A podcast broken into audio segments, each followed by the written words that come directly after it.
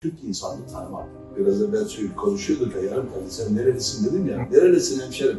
Filan yerliyim. İçinden misin? İçindensen hangi mahallesindensin? Bu hep insanı tanımakla ilgili. Eskiden ilmi kıyafet diye bir şey var. Evet. İnsanın yüzüne bakarak e, tanımlamış. Bende de biraz vardır o. Ondan sonra niçin bu lazım? Çünkü karşıdaki insanı öfkeli midir, sinirli midir, sevimli midir, neden hoşlanır, ne yapar, ne eder, ne içer, ne kadar tanırsa ünsiyet o kadar kolay olur. Mesela bir Erzurumluyla katiyen yukarıdan bakarak konuşmayacaksın. Yukarıdan bakmaya kalkarsan hır çıkar. Çünkü adamın tabiatı böyle yani. Yaratılış böyle. Coğrafya, iklim, yetişme tarzı, genetik unsurları, ünsiyet bakımından yani yaklaşmak, kaynaşmak, insan olmak, bunlar insanı tanımak lazım. Adler'in kitabı var biliyorsun, insanı tanıması. Evet, Hepimiz basmıştık. E, bu çok mühim yani.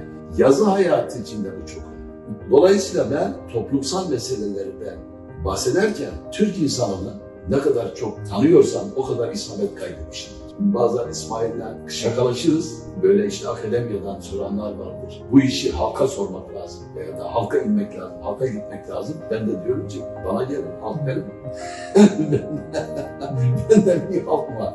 Yani şakasına söylüyorum. O zaman siz şey yapıyorsunuz yani bu insanlar böyle davranırlar. Bunların karşısında böyle olmak lazım. Yani Türk insanı şöyledir. Hatta bölgelere göre, şehirlere göre, yerlere göre. E zaten ayet-i kerimede de geçmiyor mu?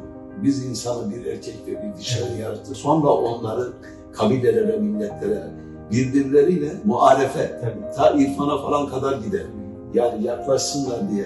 Bunu şey çok güzel anlatıyor. Mesela Yunus Emre'nin bütün şiirleri Kur'an-ı Kerim'e atıflarla doludur. Hucurat suresi diyor ki gelin tanış olalım. Evet. Bak tanışmak. Gelin tanış olalım, işi kolay kılalım, sevelim sevilelim bu dünya kimseye. Hucurat suresine doğrudan doğru. Yani o ünsiyet bunlar çok iyi meseleler.